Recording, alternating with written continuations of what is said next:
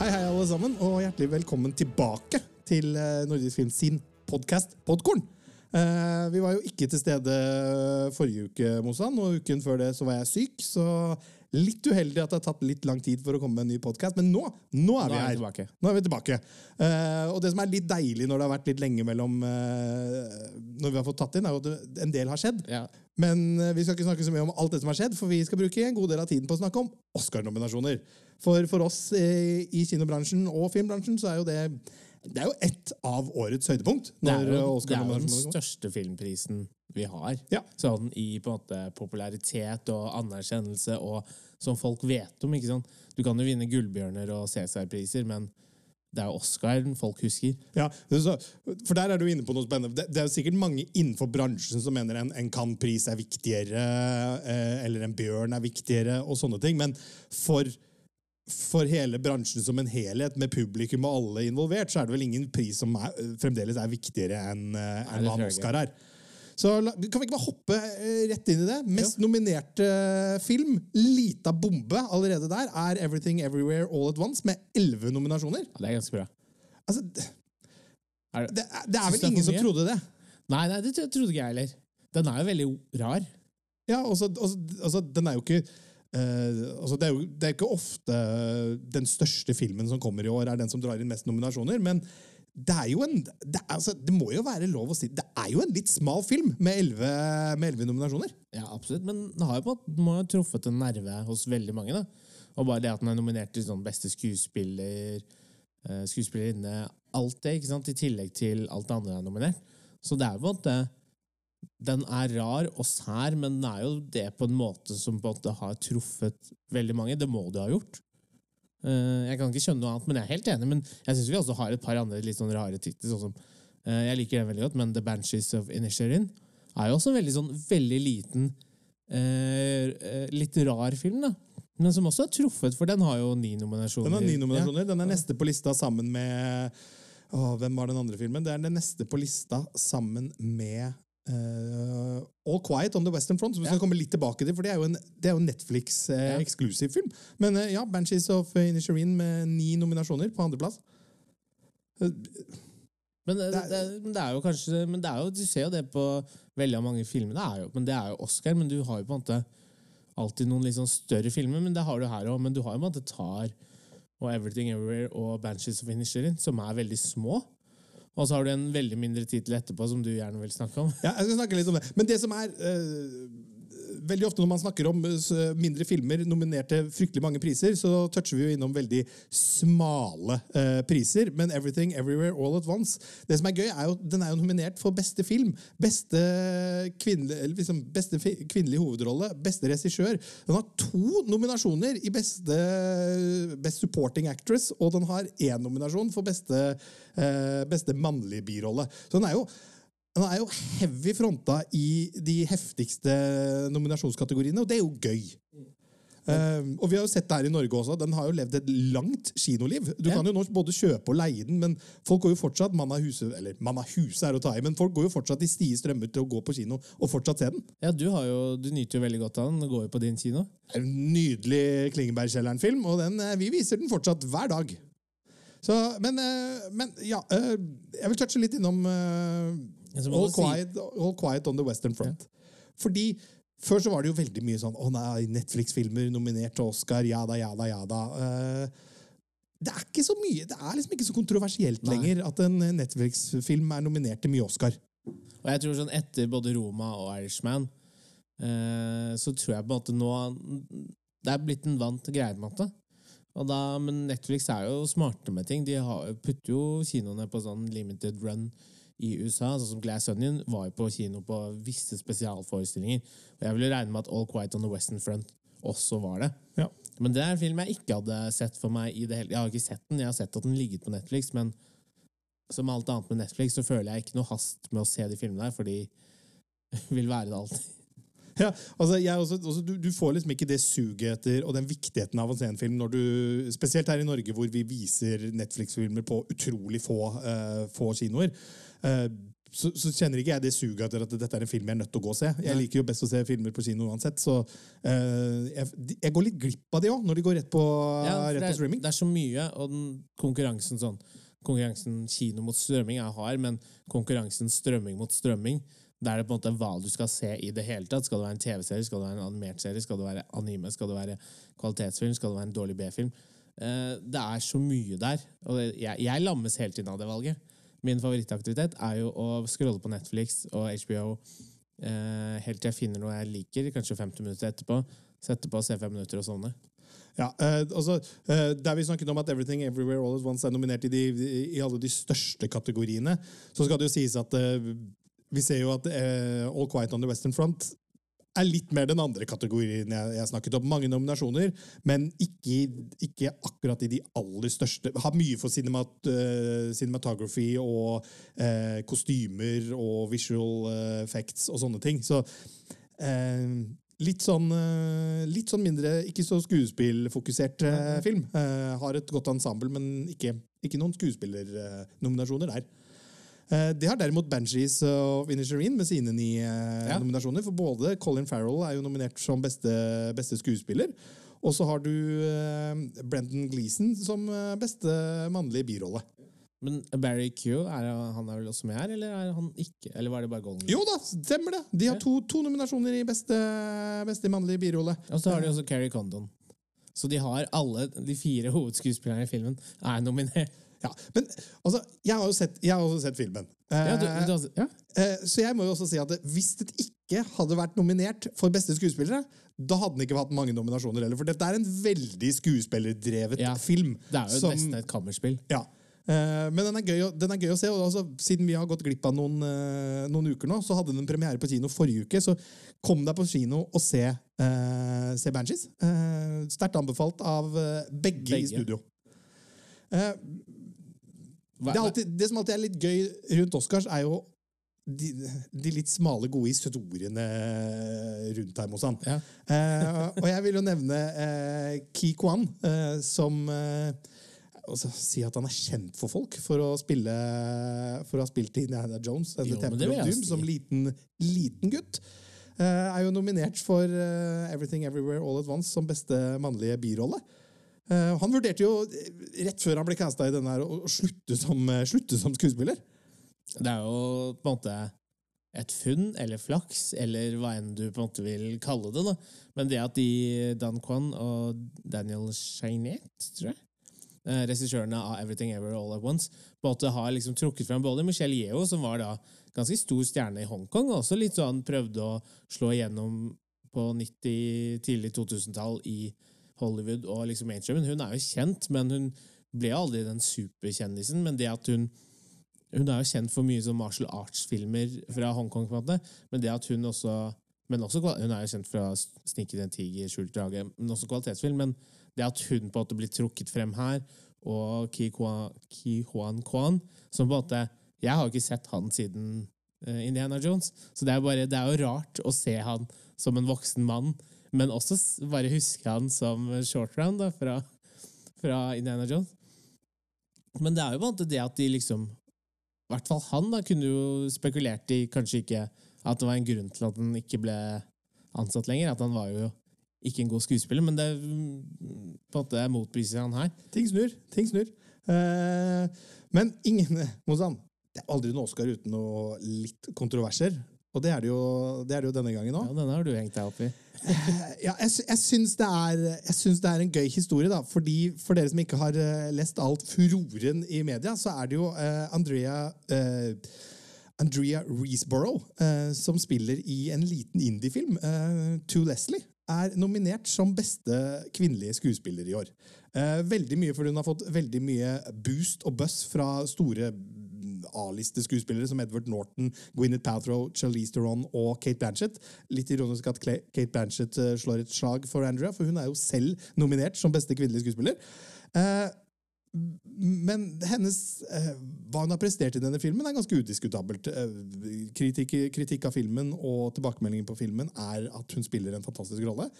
Det rare her er jo at To Leslie er en rimelig liten film, som eh, pengemessig kun har spilt inn eh, ca. 24 000 dollar mot et budsjett på 1 million. Eh, Dette er en film som hadde premiere oktober 2022.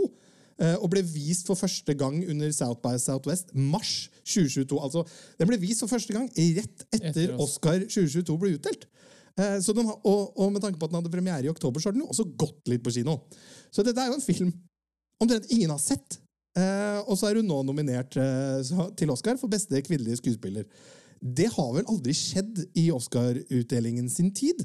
Og derfor, jo, derfor så ble det jo også veldig mye, veldig mye reaksjoner på at Oscar-akademiet selv gikk ut og sa de skulle granske hva som hadde skjedd, skjedd rundt denne nominasjonen. Eh, Foreløpig så har vi ikke hørt noen ting. Hun står fortsatt på alle lister om at hun er, at hun er nominert. Så det blir Tenk hvis hun vinner, Mozan! Ja, men jeg tror hun gjør det. For ingen har jo sett filmen. Ja, det, det, Og og det det- er et godt poeng. Men Oscar-akademiet har jo tydeligvis sett den, og de betaler jo ikke penger. Så det er jo, men- de dobler jo eh, antall personer som har sett filmen, med at alle i Oscar-akademiet har sett den. men så er det jo på måte jeg, eh, jeg husker for et par år tilbake så kom det ut hvordan de på en måte jobber. da Og så er det jo sånn Det, var da et sånn inside eh, letter fra, fra en som var med i akademiet, da, som er med å stemme. Og han sa liksom rett som det er på at sånn ja, jeg droppa å se den filmen, jeg droppet å se den filmen, så da ble det liksom den filmen der da, som jeg så, og den ble nominert. Og det tror jeg kommer til å skje her, at ingen kommer til å se True Leslie.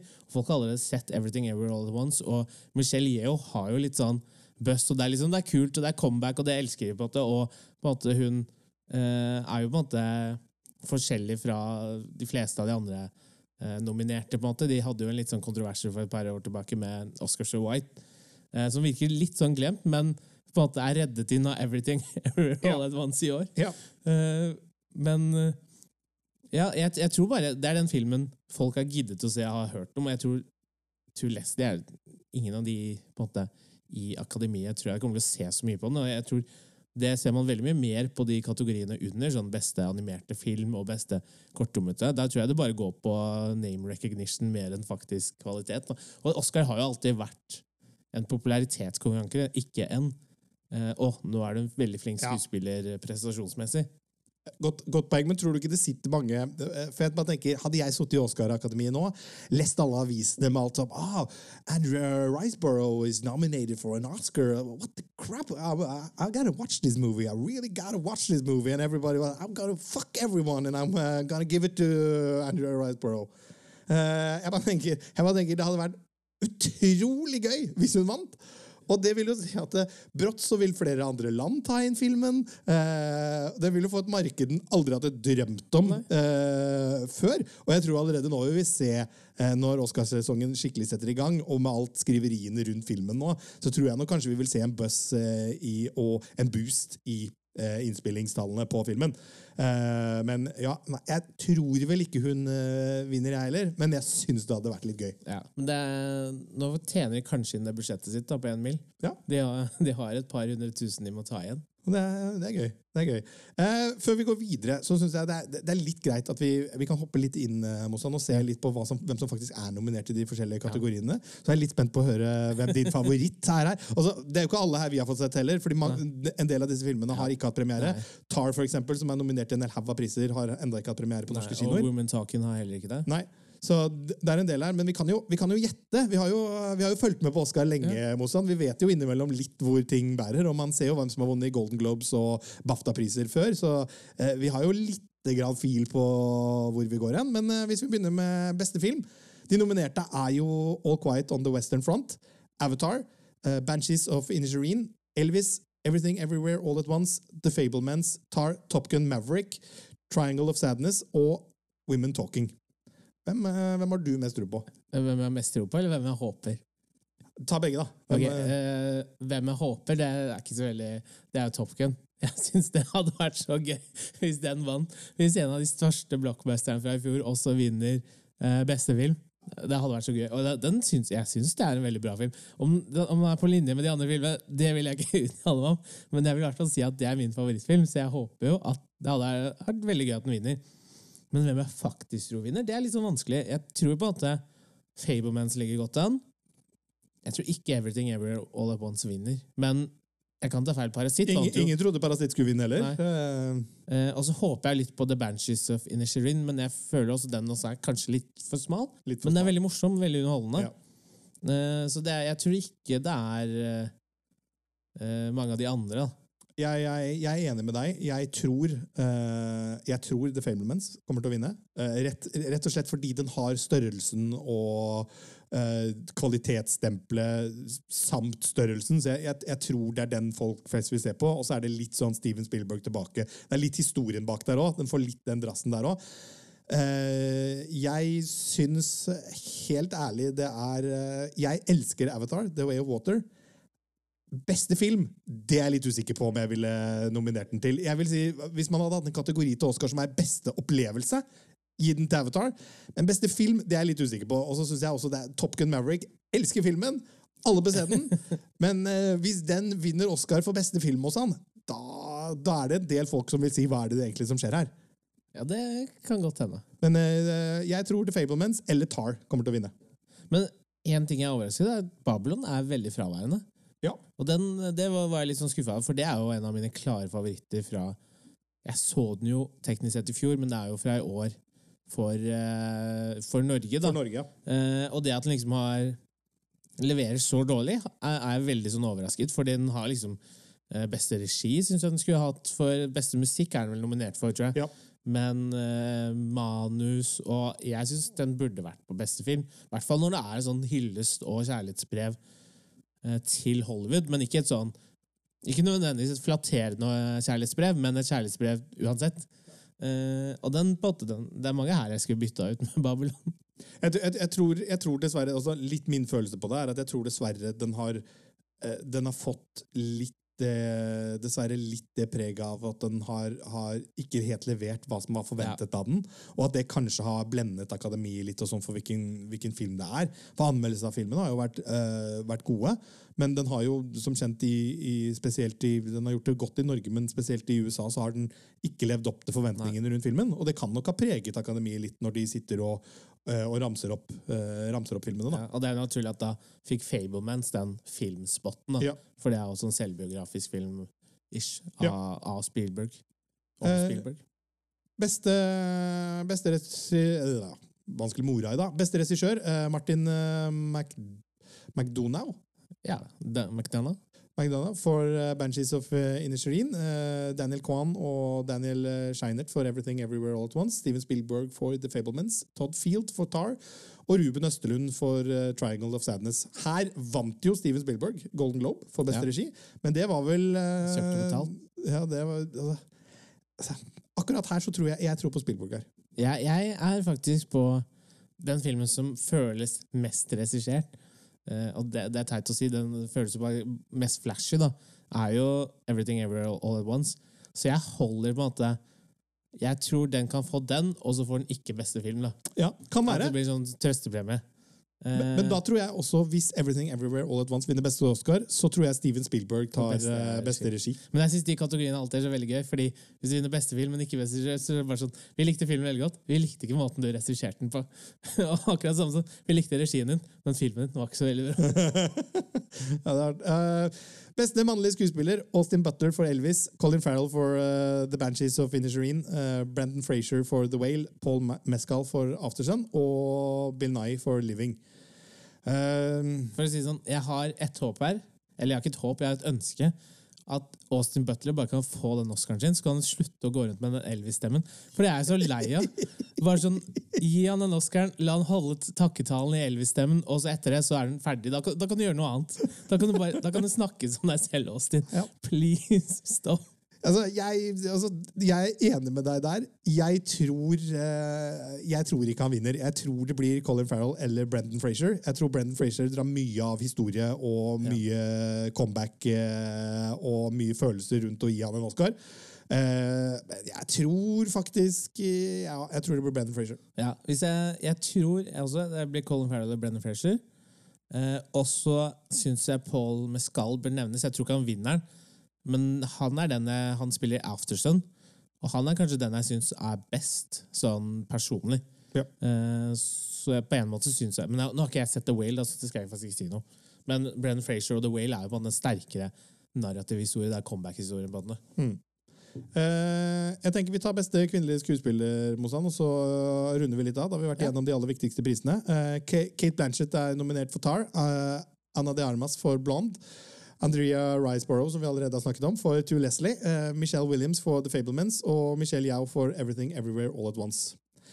Uh, her, er jeg, her er jeg ganske sikker. Jeg tror det blir Kate, Kate Blanchett. Ja, har, ikke, har hun vunnet Oscar før? Det husker jeg faktisk ikke. Nei. Jeg tror på Michelle Yeo. Men eh, det kan også være Det er også pga. comeback-historien. på en måte Men Kate Blanchett tror jeg er en veldig god på det, det, det kan gå begge veier. da Ja. Jeg tror hun også stiller veldig sterkt. Hun, hun, hun, hun spiller jo Hun spiller jo Hun er jo de jeg først tenker Hun sammen med Anna de Armas, men jeg tror ikke hun vinner Anna de Armas tror jeg ikke vinner fordi det, det, det er litt mye greier rundt uh, filmen Blond. Uh, men Anna de Armas og Kate Blanchett spiller, er vel kanskje de to som spiller i som spiller i de to filmene som er mest drevet av Av skuespillet. av skuespillet. Uh, Tar handler veldig mye om uh, rolle til Kate Blanchett i den filmen. Uh, derfor så heller jeg veldig Everything Everywhere All At Once, som vi allerede har sett, er jo nominert i masse kategorier, hvor det er mye annet som spiller også. Uh, derfor så holder jeg en knapp på Kate Blanchett i, eh, eh, i denne omgang, da. Nei, den kan gå begge veier. Eh, Kate Blanchett har forresten vunnet Oscar før. Hun har vunnet så beste skuespiller i 2014, i 2008 og beste eh, og beste skuespiller eh, ja, i ja, i 14 og 8. Og så har hun okay. også vunnet for beste, beste kvinnelige birolle. Ja, men Da får ikke hun den. Da får ikke hun den nå. Du tror ikke hun, du tror ikke hun får den? Jo, jeg, jeg tror kanskje fortsatt hun kan få den. Eh, de filmene hun har vunnet eh, er- Sorry, jeg sa feil, forresten. Hun har vunnet for Blue Jasmine, beste skuespiller, og The Aviator for beste Ah, ja. supporting actress. Og der har vi den. Eh, Ja, nå fikk jeg troa på at hun kan vinne, Fordi nå kom jeg på hvor god hun var i de filmene der. eh, da går vi litt eh, videre, Mosan, fordi jeg tror faktisk det har vært superheltnyheter denne, denne, har det. gangen- denne gangen òg. Men, men eh, det er ikke Marvel. Det er ikke Marvel! Nå er det DC. Ja, eh, du var eh, Jeg tror du var mer gira enn meg på disse Ja. nyhetene. Eh, jeg syns ikke det var så mye spenstig, men for å recappe James Gunn hadde posta på sin Twitter eh, sine tanker og hva planen for eh, DC Universe er eh, fremover. Både film, TV og spill. Eh, James Gunn er veldig involvert i en del av det. Men det, det, det første han sa og nevner, er jo at vi får nå Shazam på kino ganske snarlig. Så vil vi få Flash, uh, The Flash senere Ja, som han i år. likte godt. Som han likte veldig godt. Men han, det er jobben hans å selge disse filmene. Altså det- man skal jo ikke putte alt for mye Men jeg tror de liker det veldig godt. Hvis ikke så hadde de cancela den filmen pga. Ja. øh, han gode, Ezra gamle Miller. Ezra Miller. Uh, hvis ikke de canceler filmen på alt han har gjort, da må det være bra. Så, uh, men han sa også at det, filmen The Flash vil resette alt. Eh, Litt rart, fordi det kommer to andre, andre DC-filmer i år også, med Blue Beetle og Aquaman. Oh, ja. Eh, Men de er kanskje allerede blitt course correcta. kan, det kan hende, fordi de sa de vil spille videre, eh, men Flash vil resette hele universet. Og planene framover er at den nye begynnelsen, vil, den ordentlig nye begynnelsen vil finne sted med Superman Legacy, som kommer sommeren 2025. Så om to år, rett og slett. Eh, ja. Jeg, jeg gleder meg til denne. jeg. På jeg syns det har ikke vært en god Supermann-film. Jeg syns Supermann Returns var ålreit, den fra 2006. Eh, men jeg syns jo faktisk ikke det har vært en god Supermann-film siden Superman the Movie. Som både har forstått karakteren eh, godt nok, da. Ja. Og det har jo vært eh, Nå har ikke jeg sett på disse super, Jeg har sett Smallville, men jeg har ikke sett så mye på Superman og Lois og alle disse TV-seriene. Men jeg føler alltid at i hvert fall Zack Snyder, Jeg liker Zack Snyder som regissør veldig godt, og jeg liker filmene hans som actionfilmer. Men jeg liker det ikke som eh, representasjon av eh, Batman og Supermann og på en måte de karakterene de representerer. Så jeg er veldig spent på eh, Superman Legacy. Om den greier å liksom komme til det eh, sånn kjernen av Superman, som på en måte Ja. er det håpet. Og det er liksom eh, håpet om at alle kan gjøre det litt bedre, og prøve å liksom gå for det, da. Eh, så jeg er veldig gira på den, og jeg er på en måte egentlig veldig gira på en litt sånn ny DC-univers, selv om jeg syns Jeg syns det er noe gøy med Zack Snyders univers, men det ville jeg sett som en sånn sidehistorie, og ikke som Ja. den hovedfortellingen. Og så har de, jeg, jeg synes det har glidd litt ut. Så, så å få en, kjøre en, en god reboot er fint. Det, det jeg kanskje reagerte mest på i det han sa, er jo at det var et veldig fokus på veldig eh, veldig alternative helter fra DC Universe. Eh, det ble snakket om Superman Legacy, som kommer sommeren eh, 2025. Så vil det komme en ny Batman eh, etter det, som, ta, som igjen vil recaste en ny Batman. Eh, det vil ikke være Ben Affleck, og det vil ikke være Robert Pattinson, eh, men det vil være en ny Batman. Eh, og så vil vi liksom spille videre derfra, så det blir spennende. Men, men det var veldig mye alternativt her også. Ja. Eh, men så er det jo også det som, som gjør meg litt sånn forvirra. Fordi vi skal ha en ny Batman, og vi skal starte på nytt igjen. Men vi skal lage Batman, eh, Batman eh, part 2 med Robert Pattinson. Det skal, det skal vi ha inn. Så det skal vi fortsatt lage. Og Ben Affleck har sagt han vil gjerne regissere noe. Så han er fortsatt involvert her, han òg. Så jeg, Det er en ny start her, men så er det fortsatt litt gammelt. Så jeg, jeg er ikke helt, Hvor skal vi hen her? Ja, men jeg, synes det, jeg tror liksom publikum nå er mer sofistikerte enn det de er før. Og jeg tror de kan da skjønne at her er, måte, her er et sideunivers. Her er, for nå har det jo vært sånn Det har vært så mye greier i Marvel, og det har vært så mye greier Ja, alle de multiversfilmene vi har Ja. hatt uh, de siste årene. Da. Eller i hvert fall to i, eh, i fjor. Uh, og jeg tror folk er mer åpne for den ideen om at sånn Ok, dette er et hovedunivers, dette er et sideunivers. Så ja, de er samme, men de er ikke det samme. Og det er ikke noe forskjellig fra at vi har hatt fire Batman Eller vi har hatt veldig mange Batman-filmer som alle har vært forskjellige. Men ja, de har ikke kommet på samme tid, så jeg ser jo den. Men vi har jo Supermann på TV. Og så hadde vi jo Zack Snyders eh, Justice League, og alle disse tingene har jo på en måte eksistert side om side eh, lenge. Det er bare nå at nå skal de være sammen, sammen, men atskilt. Og jeg synes på at det høres veldig For jeg vil gjerne se The Batman 2, og jeg vil gjerne se Jokeren 2. Men jeg vil også se hva de gjør med en helt annen eh, Batman-historie. De skal jo ha med Damien som Robin. Og det er jo på en historie de aldri har fortalt på film før. Så jeg syns jo det er spennende. og Jeg, jeg, jeg tror ikke det er så stort problem som vi på en måte Nei. gjør til. Så hvis du sliter med å skille Ben Affleck regissør og Ben Affleck Batman, så på jeg, kan godt hjelpe, jeg kan godt hjelpe deg. Fekkastakter i, i podkasten din, da. Da er, da er det litt for lenge siden vi har sittet her, skjønner jeg. Eh, ja, nei, altså, jeg velger å gi min lit til eh, James Gunn. Ja. Håper det blir bra. Eh, Guardians-fan. Jeg likte Suicide Squad-filmen. Altså, kan bli bra, så Ja. la oss bare krysse fingrene på at det, det går riktig vei. Ja, og det du sa om det med at eh, det er veldig mange små karakterer, sånn som The Authority og sånn, men jeg tror også det kan være lurt, for jeg vet ikke så du Peacemaker? Ja. og jeg syns Peacemaker er jo på en måte Det er jo sånn no name-karakter som de på en måte har greid å lage en veldig god historie rundt, og jeg tror det kanskje er det de prøver på her, at de lager eh, på en måte uetablerte karakterer, C-karakterer, eller D-karakterer, men at de da kan heller fortelle en god historie og bruke det som en sånn Og dette skjer i den delen av DC, men så har du fortsatt Batman og Supermann. Slik at de står liksom kreativt sett friere til å gjøre noe gøy der. da Og sånn Guardians of the Galaxy, det har ikke jeg hørt om før det var en Marvel-film. Og da var det sånn Oi, dette var veldig gøy.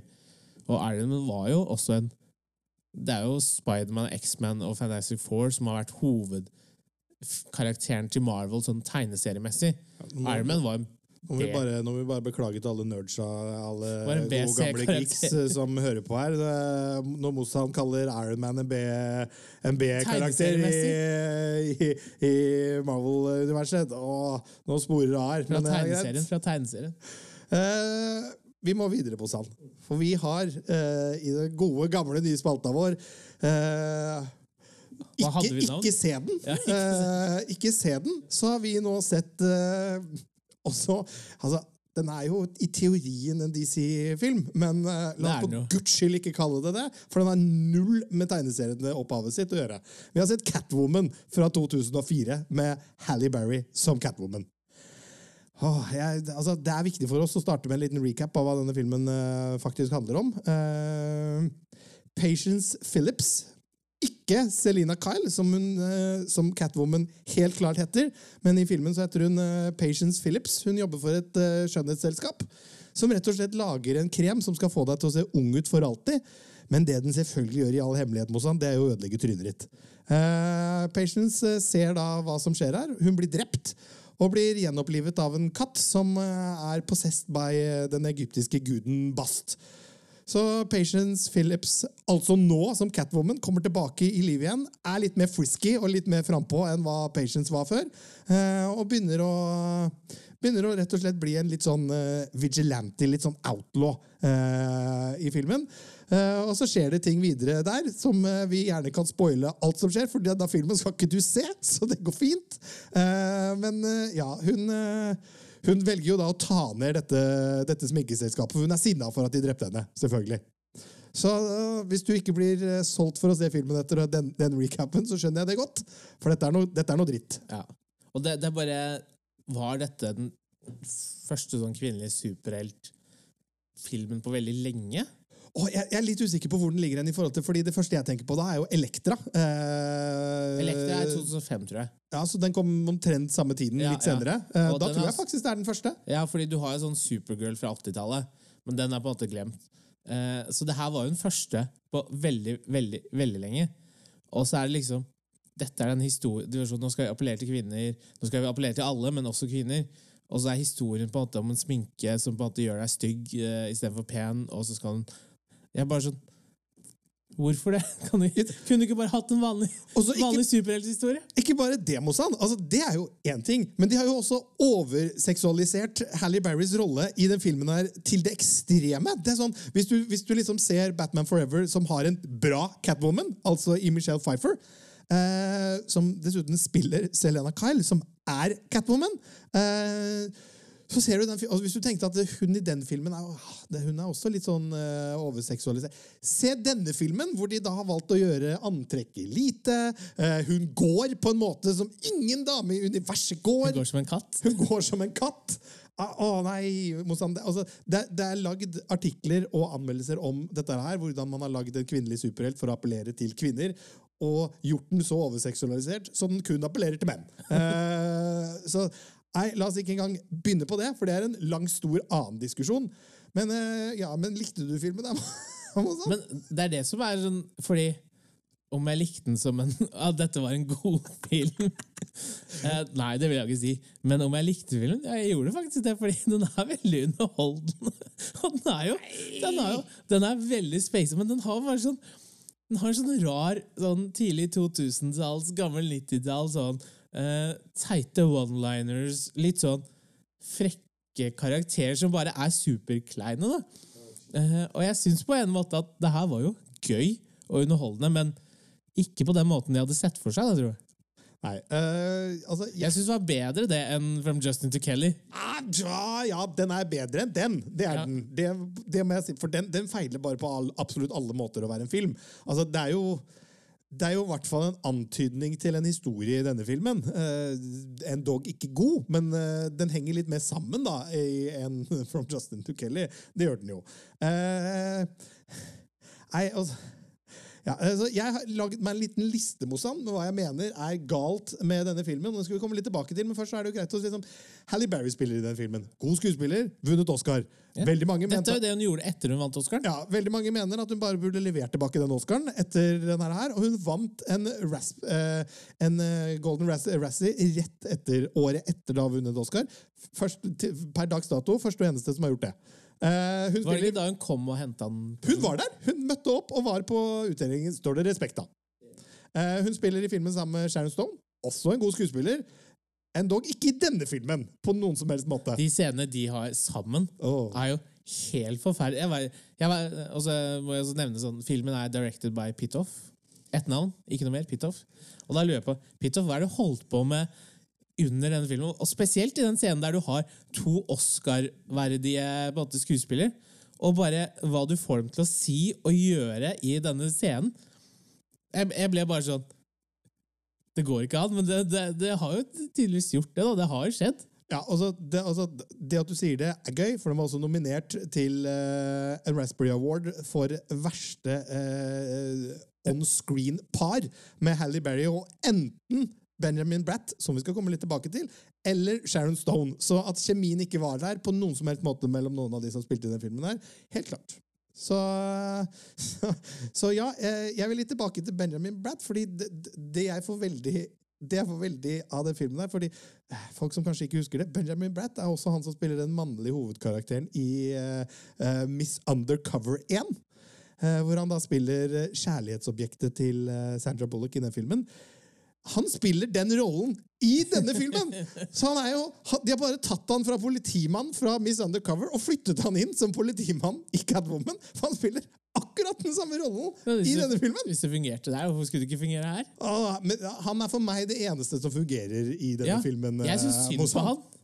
Fordi han leverer jo faktisk en, en normal prestasjon. Han gjør så godt han kan eh, med det han har fått. Og jeg, jeg, jeg satt der bare sånn Stakkars fyr. Jeg lurer på om han liksom angret hver eneste dag på sett og lurte på om han kunne komme seg ut. Eller hva, det bare sånn Please, bare drep karakteren min. Bare et eller annet. Jeg, jeg vet ikke, Han var sikkert signert for flere filmer. da De har jo garantert tenkt en franchise med den her. Ja, altså, altså, altså, øh, før vi går videre til, til hva som absolutt er galt i den filmen for det at du sier de hadde tent en franchise her eh, Snakken rundt å lage en Catwoman-film begynte allerede i 1994. eh, eh, hvor Batman Forever, eh, regissert av Tim Burton, og med da, som vi allerede har vært inne på, Michelle Pfeiffer som Catwoman. Som Michelle Pfeiffer som Catwoman i den filmen, som fikk mye god altså, Folk er den filmen bare for hennes rolle i den filmen. Eh, både Tim Burton og Michelle Pfeiffer var signa on til, til prosjektet Catwoman. Men så gikk det såpass lang tid, så Tim Burton falt av.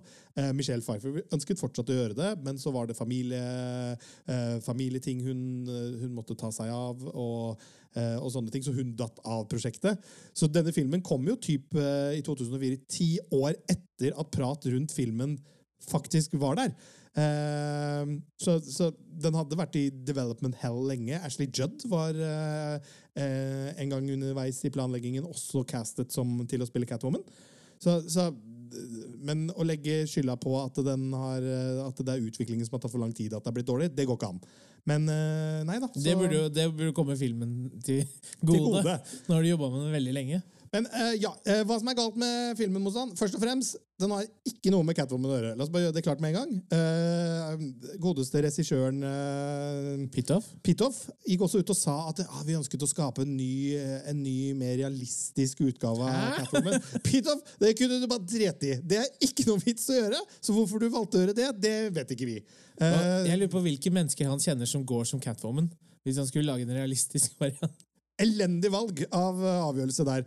Eh, jeg blir alltid sjokkert på hvordan disse folka liksom leser en te- tegneserie og baserer liksom en film på tegneserie og tenkte ah, dette materialet som folk har likt i mange år, det er ikke bra nok for meg. Jeg skal gjøre det starte helt motsatte. Starte på nytt. Um, skuespillet er rimelig elendig. Halle Berry vant Razzie. Det er ikke noe å si på det. har allerede vært innom. Rimelig elendig over hele linja. Effekten og actionscenene er kanskje ikke det dårligste i filmen, men nå som vi har sett eh, hva actionscener og sånn kan være, er ikke veldig bra. Og koreografi, action-koreografien her er rimelig crap. Den er ikke til stede. Uh, og så leste man liksom også at Halle Berry var i hardtrening for å spille i denne filmen. Det er ikke for å utøve de slåssescenene, det er for å ha på den toppen hun har i filmen. Så, og hvordan å gå som en dust. Det er det. Eh, historien er ikke godt skrevet og seg ikke på, og tar, altså baserer seg ikke på noe tegneseriematerial. Eh, og kostymene. Kostymene vant eh, Raspberry for elendige kostymer. og det ironiske her hos han, hun som har designet kostymene i denne filmen, hun har vunnet Oscar for beste kostyme i en annen film. Så, så hva som er tenkt her men da, er, da har du jo tatt feil valg. På, sånn, du kan ta A eller B, og så har du konsekvent valgt feil gang på gang på gang. På, og da, hvis du har så mange talentfulle mennesker bak, da er det på en måte Jeg vet ikke hvem man skal skylde på, men det er jo noen. Men det som er sjukt for meg, er jo på måte Jeg ser jo for meg et univers der vi aldri hadde hatt Nolans Batman-filmer.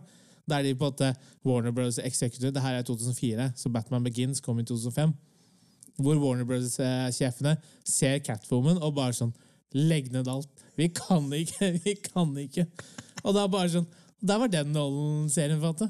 Jeg, jeg så for meg sånn Du skal ha ganske store baller for å liksom gå videre med Batman når du ser hva, hva som skjedde her. ja. Eh, jeg vil bare si at, eh, at eh, Angus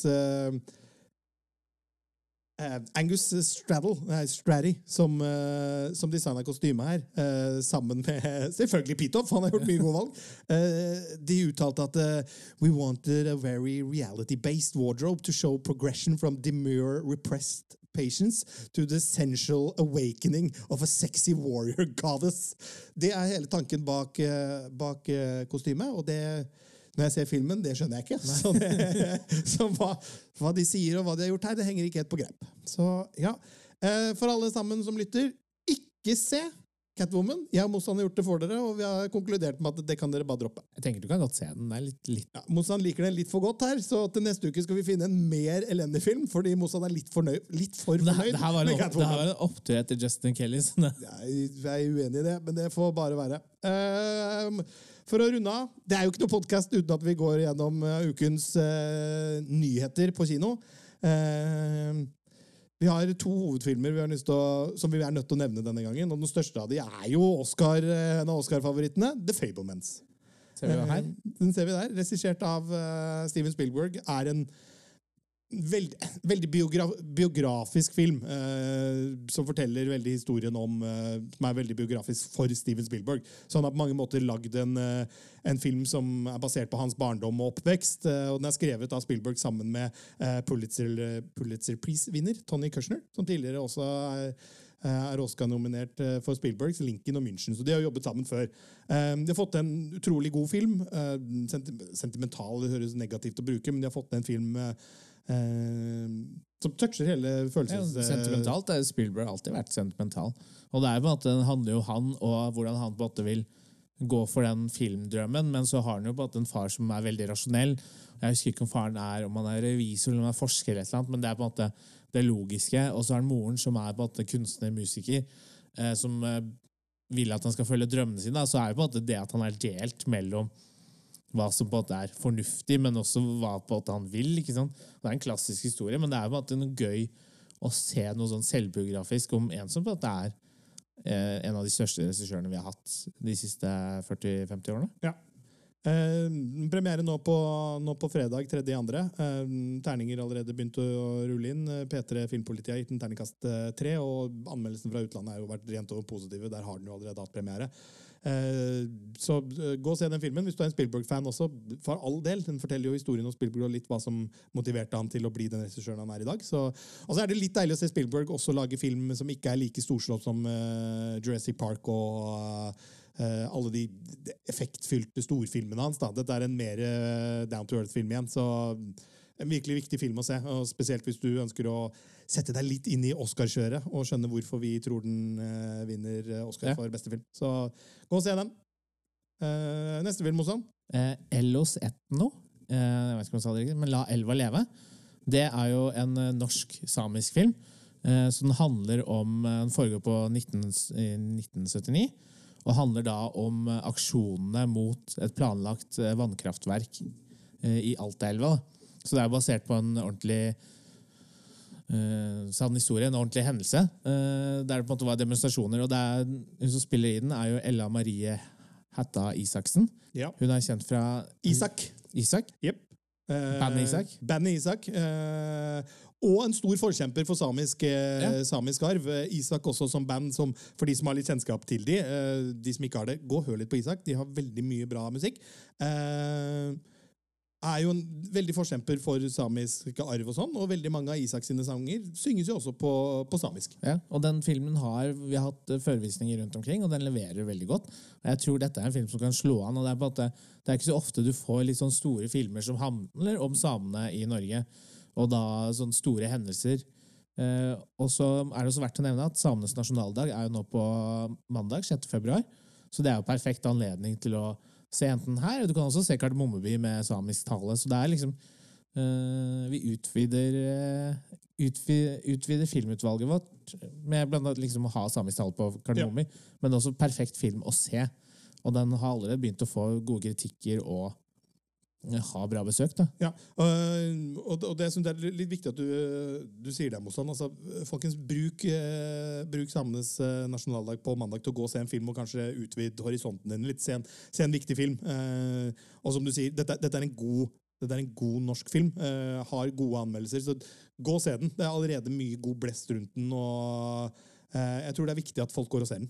Så mm, gå og se den. Eh, hvis ingen av de filmene vi nå har nevnt, eh, får deg i riktig humør, så kan vi jo også nevne at eh, M. Night Shyamalan er ute med eh, også er ute med ny film til helgen. Litt sånn skrekkthriller. 'Knock at the Cabin'. Og den er jo med da Dave Bautista. Og dette er på en måte, jeg tror den er litt sånn forskjellig fra Shyamalans andre type filmer. For den er mm, eller sånn, Han lager jo thrillere slash skrekkfilmer. Den er også thrillerbasert, men jeg tror også det er veldig sånn kammerspill. da.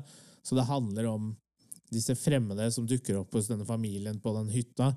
Eh, og så er det litt sånn apokalyptisk bakgrunn. Da, så tror jeg det hele tiden handler om den kampen, både sånn verbalt og fysisk, mellom denne familien og disse inntrengerne. Eh, så Dave Bautista er jo med, og han syns jeg på en måte har utvikla seg veldig siste årene. Jeg føler at han på en måte er et kvalitetstegn hvis han er med i filmen. Eh, Så den er verdt å få med seg. Og så er det jo en film som kanskje du kommer til å se. Vi skal ikke se bort ifra det. Det er jo mye barnefilmer om dagen, men eh, traileren, eh, traileren eh, gjorde meg interessert. Og den er artig, artig animert, og det ser ut som mye gøy og moro. Um, så 'Mumier på eventyr' har også premiere nå på fredag, så det blir på mange måter barnefamiliens alibi denne helgen. Eh, og det kan jo nevnes at både Symra kino og Saga kino kjører barnehelg denne helgen, med bl.a. tryllekunstner på kino. Så Er det deg? Det er ikke meg. Jeg er ikke noe særlig god på å trylle. Bort annet enn kilo fra denne kroppen. Nei, eh, jeg er ikke noen stor trollmann, så jeg skal ikke trylle. Men vi har leid inn, eh, eh, leid inn trollkunstner, og det vil være mye annet gøy i form av premier og utdeling i saler og sånne ting. Så gå på, gå på Simral i Saga, saga nå, til, eh, nå til helgen, og se annet Mumier på eventyr. Du kan få denne sendingen til å forsvinne. Det kan jeg, fordi, fordi vi er nå ferdig. Så denne gangen skal jeg ikke si vi snakkes neste uke, fordi brått så blir man syk. Men vi snakkes eh, neste gang. Og da skal vi se en ny dårlig film hos han. Om det har vi ikke bestemt oss hvem er Nei, helt sikkert ennå. Jeg lener litt mot Battlefield 3000, så får vi se. Ja, det er den du lener mot. Ja, Da får vi se om du får bestemme denne gangen eller ikke. Men uh, uansett, folkens, vi snakkes uh, neste gang. Uh, takk for at dere lytter, og så får dere ha en flott kinohelg. Ha det bra.